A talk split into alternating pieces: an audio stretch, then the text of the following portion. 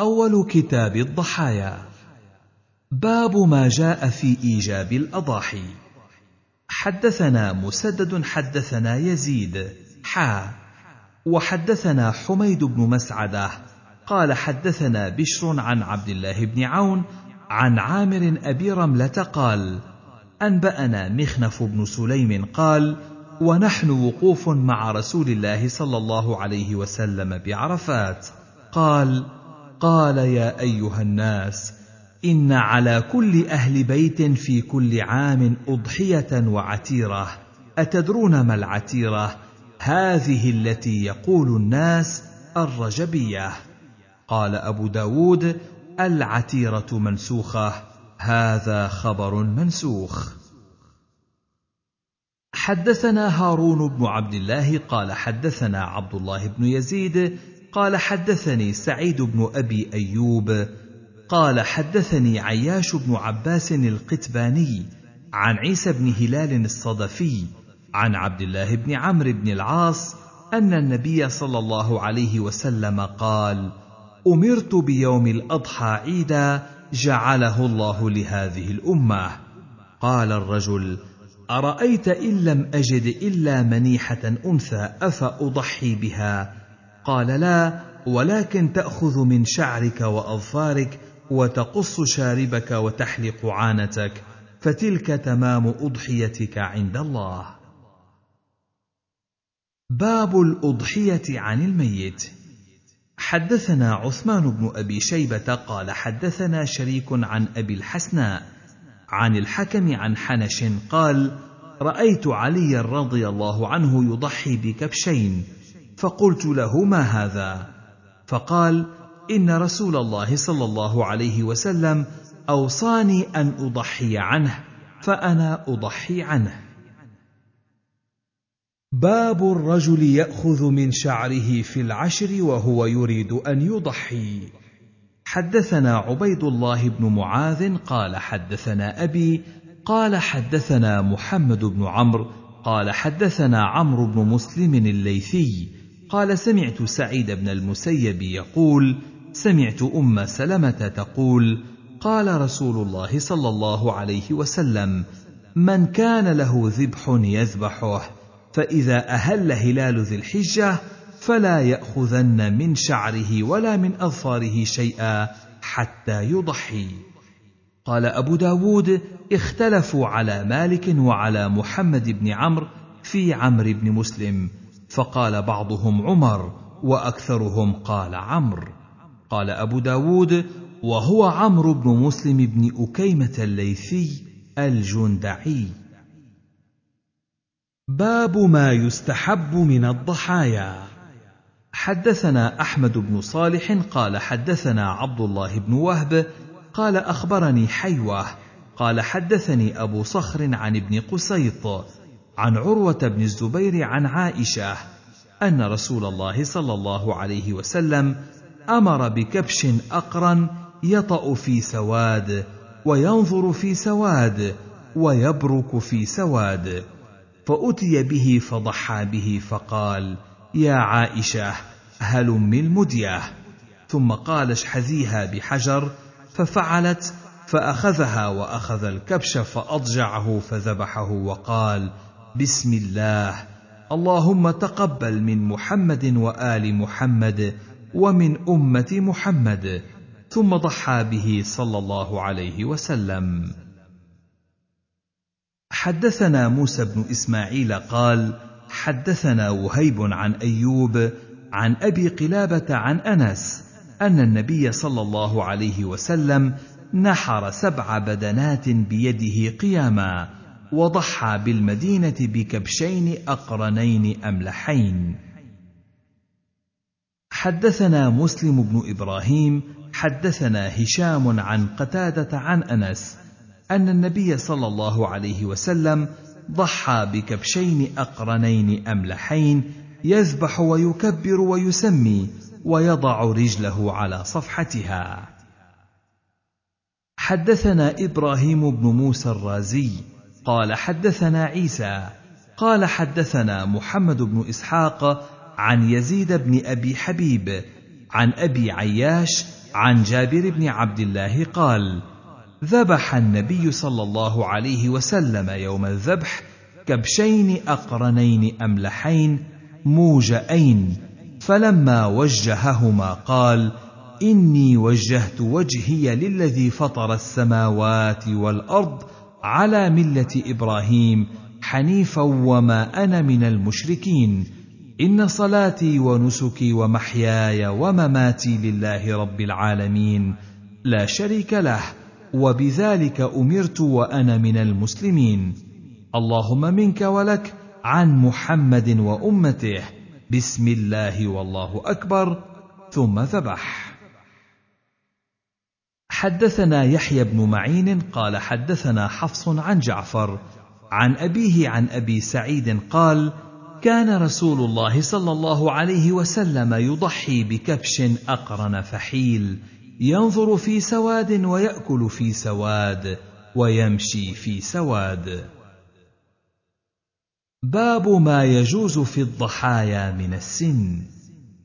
حدثنا أحمد بن أبي شعيب الحراني قال أخبرنا زهير بن معاوية قال حدثنا أبو الزبير عن جابر قال قال رسول الله صلى الله عليه وسلم لا تذبحوا إلا مسنة إلا أن يعسر عليكم فتذبحوا جذعه من الضأن.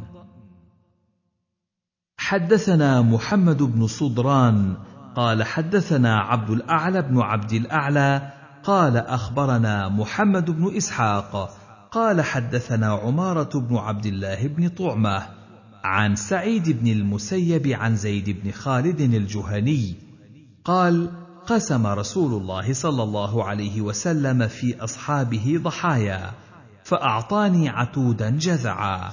قال فرجعت به إليه فقلت له إنه جذع. فقال ضحي به فضحيت به. حدثنا الحسن بن علي قال أخبرنا عبد الرزاق أخبرنا الثوري عن عاصم بن كليب عن أبيه قال كنا مع رجل من أصحاب النبي صلى الله عليه وسلم يقال له مجاشع من بني سليم فعزت الغنم فأمر مناديا فنادى أن رسول الله صلى الله عليه وسلم كان يقول إن الجذع يوفي مما يوفي منه الثني. قال أبو داود وهو مجاشع بن مسعود. حدثنا مسدد قال حدثنا أبو الأحوص قال حدثنا منصور عن الشعبي عن البراء قال خطبنا رسول الله صلى الله عليه وسلم يوم النحر بعد الصلاة فقال من صلى صلاتنا ونسك نسكنا فقد أصاب النسك. ومن نسك قبل الصلاة فتلك شاة لحم.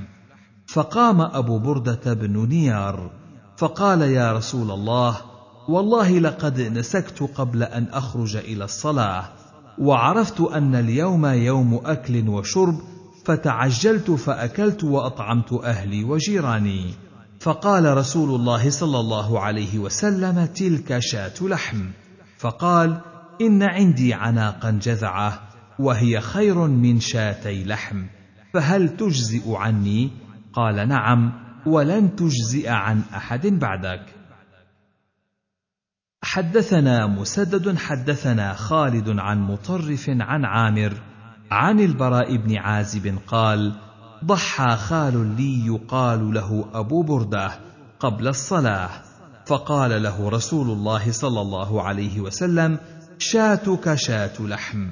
فقال يا رسول الله إن عندي داجنا جذعه من المعز.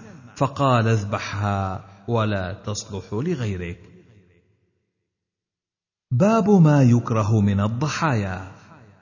حدثنا حفص بن عمر النمري قال حدثنا شعبة عن سليمان بن عبد الرحمن عن عبيد بن فيروز قال سألت البراء بن عازب ما لا يجوز في الأضاحي فقال قام فينا رسول الله صلى الله عليه وسلم وأصابعي أقصر من أصابعه وأناملي أقصر من أنامله فقال أربع لا تجوز في الأضاحي العوراء بين عورها والمريضة بين مرضها والعرجاء بين ضلعها والكسير التي لا تنقى. قال قلت فإني أكره أن يكون في السن نقص.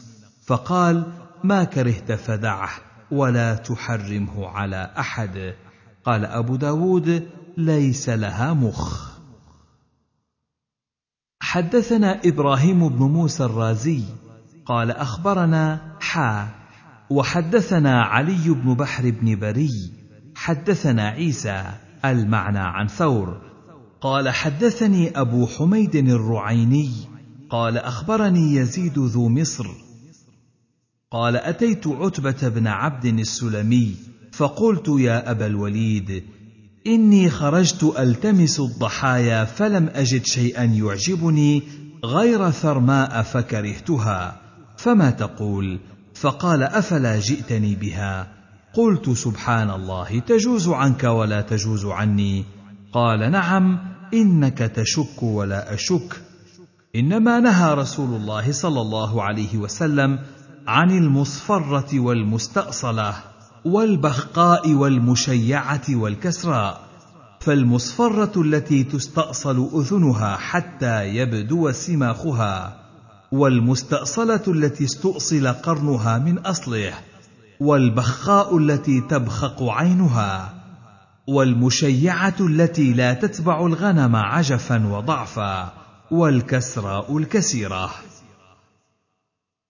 حدثنا عبيد الله بن محمد النفيلي قال حدثنا زهير قال حدثنا أبو إسحاق عن شريح بن نعمان وكان رجل صدق عن علي قال أمرنا رسول الله صلى الله عليه وسلم أن نستشرف العين والأذن ولا نضحي بعوراء ولا مقابلة ولا مدابرة ولا خرقاء ولا شرقاء. قال زهير فقلت لأبي إسحاق أذكر عضباء؟ قال لا. قلت فما المقابلة؟ قال يقطع طرف الأذن. فقلت فما المدابرة؟ قال يقطع من مؤخر الأذن. قلت فما الشرقاء قال تشق الأذن. قلت فما الخرقاء قال تخرق أذنها للسمة. حدثنا مسلم بن إبراهيم قال حدثنا هشام بن أبي عبد الله الدستوائي ويقال له هشام بن سنبر. عن قتادة عن جري بن كليب عن علي أن النبي صلى الله عليه وسلم نهى أن يضحى بعضاء الأذن والقرن. قال أبو داود جري سدوسي بصري لم يحدث عنه إلا قتادة. حدثنا مسدد قال حدثنا يحيى قال حدثنا هشام عن قتادة قال قلت يعني لسعيد بن المسيب ما الأعضب؟ قال النصف فما فوقه. باب البقر والجزور عن كم تجزئ.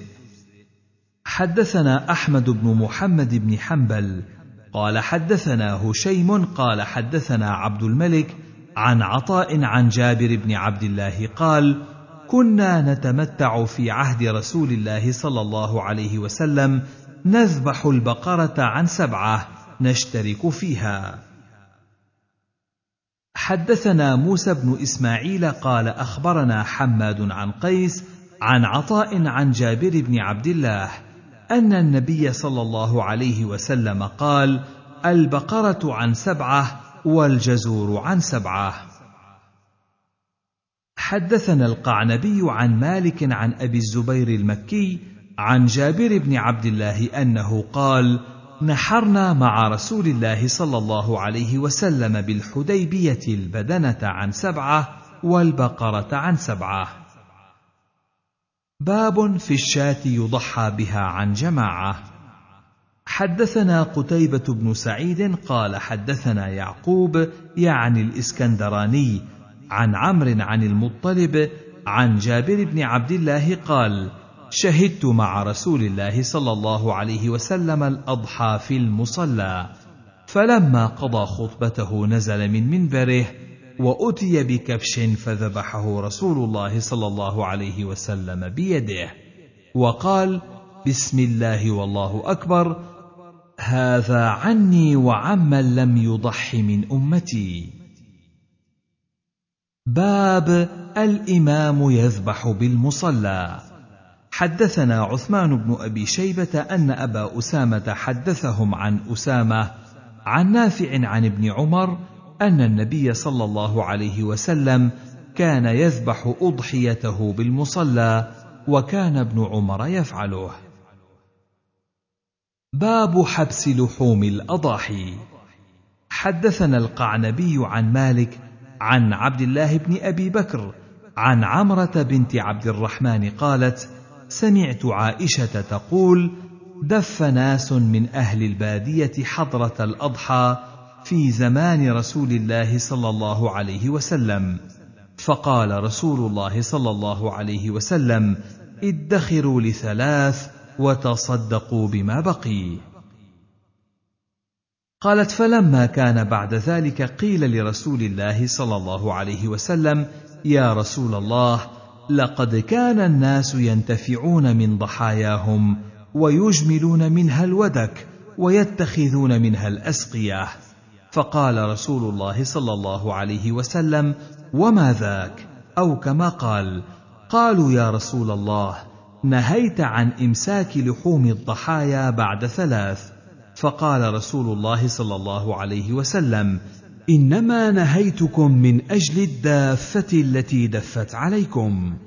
فكلوا وتصدقوا وادخروا. حدثنا مسدد حدثنا يزيد بن زريع حدثنا خالد الحذاء عن أبي المليح عن نبيشة قال قال رسول الله صلى الله عليه وسلم إنا كنا نهيناكم عن لحومها أن تأكلوها فوق ثلاث لكي تسعكم. فقد جاء الله بالسعة. فكلوا وادخروا واتجروا. ألا وإن هذه الأيام أيام أكل وشرب وذكر الله عز وجل. باب في النهي أن تصبر البهائم والرفق بالذبيحة. حدثنا مسلم بن إبراهيم قال حدثنا شعبة عن خالد الحذاء عن أبي قلابة عن أبي الأشعث عن شداد بن أوس قال خصلتان سمعتهما من رسول الله صلى الله عليه وسلم إن الله كتب الإحسان على كل شيء فإذا قتلتم فأحسنوا. قال غير مسلم يقول فأحسنوا القتلة وإذا ذبحتم فأحسنوا الذبح وليحد أحدكم شفرته وليرح ذبيحته. حدثنا أبو الوليد الطيالسي حدثنا شعبة عن هشام بن زيد قال دخلت مع أنس على الحكم بن أيوب فرأى فتيانا أو غلمانا قد نصبوا دجاجة يرمونها. فقال أنس نهى رسول الله صلى الله عليه وسلم أن تصبر البهائم. باب في المسافر يضحي. حدثنا عبد الله بن محمد النفيلي حدثنا حماد بن خالد الخياط حدثنا معاوية بن صالح عن أبي الزاهرية عن جبير بن نفير عن ثوبان قال ضحى رسول الله صلى الله عليه وسلم ثم قال يا ثوبان أصلح لنا لحم هذه الشاة قال فما زلت أطعمه منها حتى قدمنا المدينة باب في ذبائح أهل الكتاب. حدثنا أحمد بن محمد بن ثابت المروزي قال حدثني علي بن حسين عن أبيه عن يزيد النحوي عن عكرمة عن ابن عباس قال فكلوا مما ذكر اسم الله عليه ولا تأكلوا مما لم يذكر اسم الله عليه. فنسخ واستثنى من ذلك فقال وطعام الذين أوتوا الكتاب حل لكم وطعامكم حل لهم. حدثنا محمد بن كثير قال أخبرنا إسرائيل. حدثنا سماك عن عكرمة عن ابن عباس في قوله وإن الشياطين ليوحون إلى أوليائهم يقولون ما ذبح الله فلا تأكلوه. وما ذبحتم أنتم فكلوه فانزل الله ولا تاكلوا مما لم يذكر اسم الله عليه حدثنا عثمان بن ابي شيبه حدثنا عمران بن عيينه عن عطاء بن السائب عن سعيد بن جبير عن ابن عباس قال جاءت اليهود إلى النبي صلى الله عليه وسلم فقالوا ناكل مما قتلنا ولا نأكل مما قتل الله فأنزل الله تعالى ولا تأكلوا مما لم يذكر اسم الله عليه إلى آخر الآية. باب ما جاء في أكل معاقرة الأعراب. حدثنا هارون بن عبد الله قال حدثنا حماد بن مسعدة عن عوف عن أبي ريحانة عن ابن عباس قال نهى رسول الله صلى الله عليه وسلم عن معاقرة الأعراب. قال أبو داود غندر أوقفه على ابن عباس. قال أبو داود اسم أبي ريحانة عبد الله بن مطر. باب الذبيحة بالمروة. حدثنا مسدد قال حدثنا أبو الأحوص قال حدثنا سعيد بن مسروق عن عباية بن رفاعة عن أبيه عن جده رافع بن خديج قال أتيت رسول الله صلى الله عليه وسلم فقلت يا رسول الله إنا نلقى العدو غدا وليس معنا مدى أفنذبح بالمروة وشقة العصا؟ فقال رسول الله صلى الله عليه وسلم أرن أو اعجل. ما أنهر الدم وذكر اسم الله عليه فكلوا ما لم يكن سن أو ظفر وسأحدثكم عن ذلك. أما السن فعظم وأما الظفر فمدى الحبشة. وتقدم به سرعان من الناس فتعجلوا فأصابوا من الغنائم ورسول الله صلى الله عليه وسلم في آخر الناس فنصبوا قدورا. فمر رسول الله صلى الله عليه وسلم بالقدور فأمر بها فأكفئت وقسم بينهم فعدل بعيرا بعشر شياه وند بعير من إبل القوم ولم يكن معهم خيل فرماه رجل بسهم فحبسه الله فقال النبي صلى الله عليه وسلم إن لهذه البهائم أوابد كاوابد الوحش وما فعل منها هذا فافعلوا به مثل هذا. حدثنا مسدد أن عبد الواحد بن زياد وحماد المعنى واحد حدثاهم عن عاصم عن الشعبي عن محمد بن صفوان أو صفوان بن محمد قال اصدت أرنبين فذبحتهما بمروة فسألت رسول الله صلى الله عليه وسلم عنهما فأمرني بأكلهما.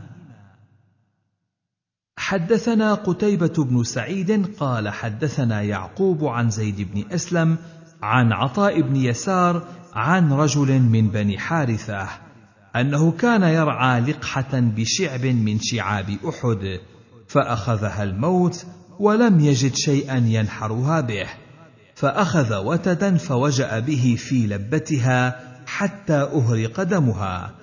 ثم جاء إلى النبي صلى الله عليه وسلم فأخبره بذلك فأمره بأكلها.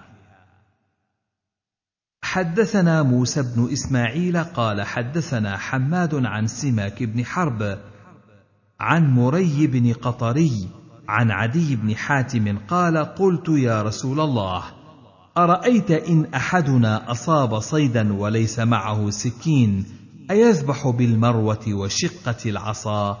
قال أمرر الدم بما شئت واذكر اسم الله. باب في ذبيحة المتردية. حدثنا أحمد بن يونس قال حدثنا حماد بن سلمة عن أبي العشراء عن أبيه أنه قال يا رسول الله أما تكون الزكاة إلا من اللبة أو الحلق قال فقال رسول الله صلى الله عليه وسلم لو طعنت في فخذها لأجزأ عنك. قال أبو داود لا يصلح هذا إلا في المتردية والمتوحش. باب في المبالغة في الذبح. حدثنا هناد بن السري والحسن بن عيسى مولى بن المبارك عن ابن المبارك عن معمر عن عمرو بن عبد الله عن عكرمة عن ابن عباس زاد بن عيسى وأبي هريرة. قالا نهى رسول الله صلى الله عليه وسلم عن شريطة الشيطان. زاد ابن عيسى في حديثه وهي التي تذبح فيقطع الجلد ولا تفرى الأوداج ثم تترك حتى تموت. قال أبو داود وهذا يقال له عمرو برق. نزل عكرمة على أبيه باليمن. كان معمر إذا حدث عنه قال عمرو بن عبد الله. وإذا حدث عنه أهل اليمن كان لا يسميه. باب ما جاء في زكاة الجنين. حدثنا القعنبي قال أخبرنا ابن المبارك حا. وحدثنا مسدد قال حدثنا هشيم عن مجالد عن أبي الوداك عن أبي سعيد قال سألت رسول الله صلى الله عليه وسلم عن الجنين فقال كلوه إن شئتم. وقال مسدد قلنا يا رسول الله ننحر الناقة ونذبح البقرة والشاه فنجد في بطنها الجنين أنلقيه أم نأكله؟ قال كلوه إن شئتم فإن زكاته زكاة أمه. حدثنا محمد بن يحيى بن فارس قال حدثني إسحاق بن إبراهيم بن راهويه قال حدثنا عتاب بن بشير قال حدثنا عبيد الله بن أبي زياد القداح المكي عن أبي الزبير عن جابر بن عبد الله عن رسول الله صلى الله عليه وسلم قال زكاه الجنين زكاه أمه. باب ما جاء في أكل اللحم. لا يدري أذكر اسم الله عليه أم لا. حدثنا موسى بن إسماعيل قال حدثنا حماد حا. وحدثنا القعنبي عن مالك حا. وحدثنا يوسف بن موسى قال حدثنا سليمان بن حبان ومحاضر المعنى عن هشام بن عروة عن أبيه عن عائشة. ولم يذكرا عن حماد ومالك عن عائشة أنهم قالوا يا رسول الله إن قوما حديثو عهد بجاهلية يأتون بلحمان لا ندري أذكروا اسم الله عليها أم لم يذكروا أنأكل منها؟ فقال رسول الله صلى الله عليه وسلم سموا الله وكلوا. باب في العتيرة.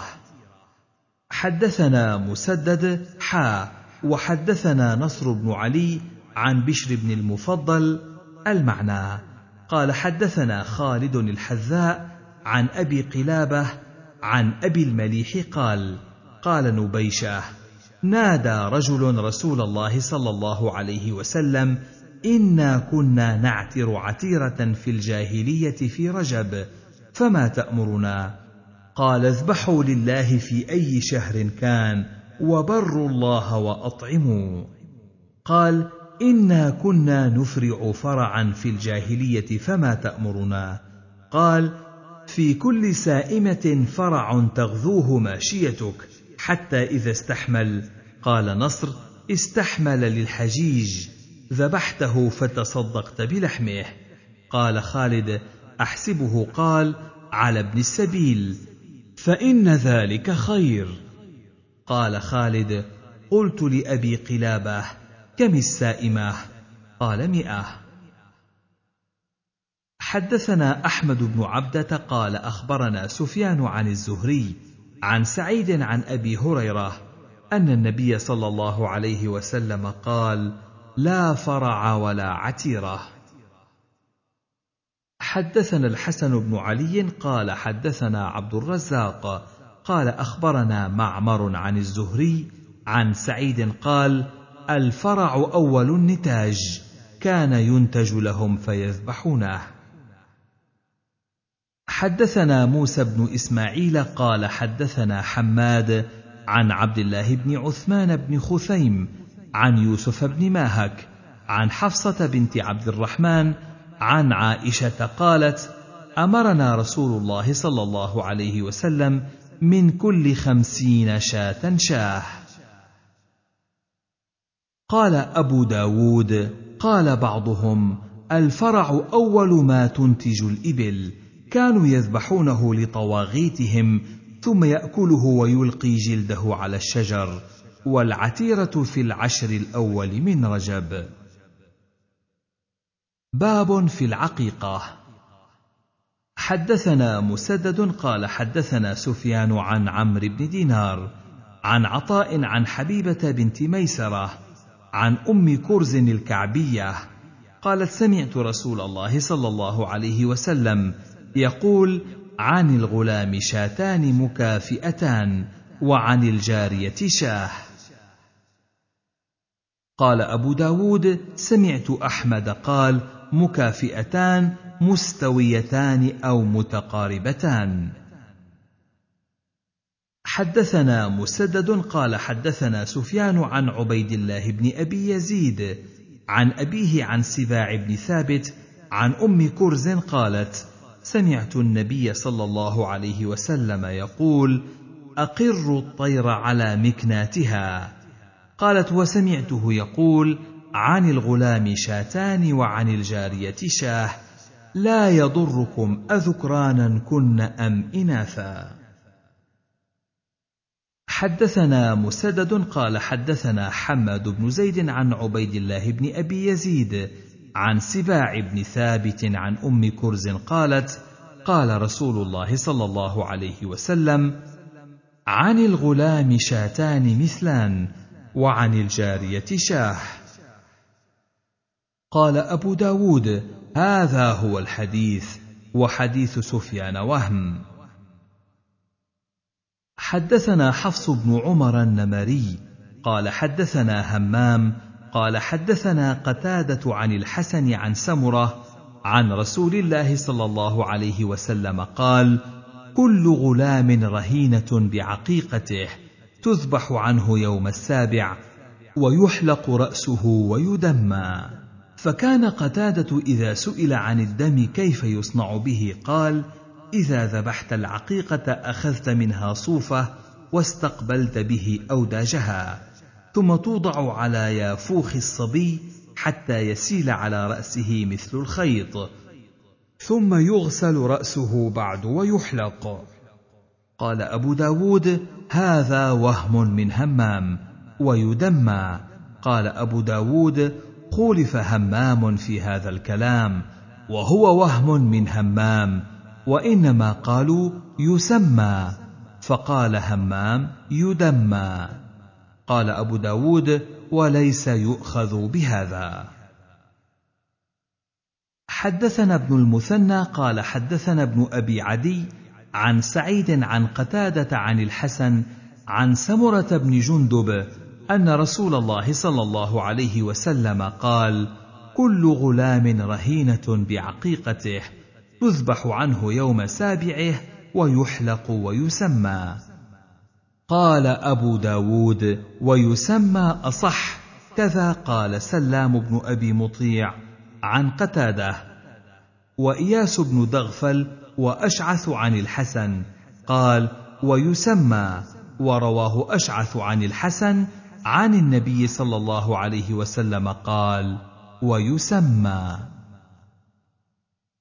حدثنا الحسن بن علي قال حدثنا عبد الرزاق قال حدثنا هشام بن حسان عن حفصة بنت سيرين عن الرباب عن سلمان بن عامر الضبي قال قال رسول الله صلى الله عليه وسلم مع الغلام عقيقة فأهريقوا عنه دما وأميطوا عنه الأذى. حدثنا يحيى بن خلف قال حدثنا عبد الأعلى.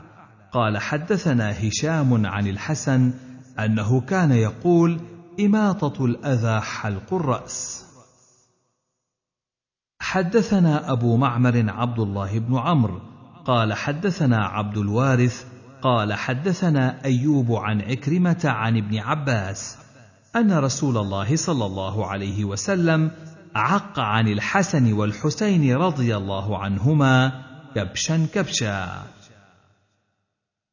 حدثنا القعنبي قال حدثنا داود بن قيس عن عمرو بن شعيب أن النبي صلى الله عليه وسلم حا. وحدثنا محمد بن سليمان الأنباري.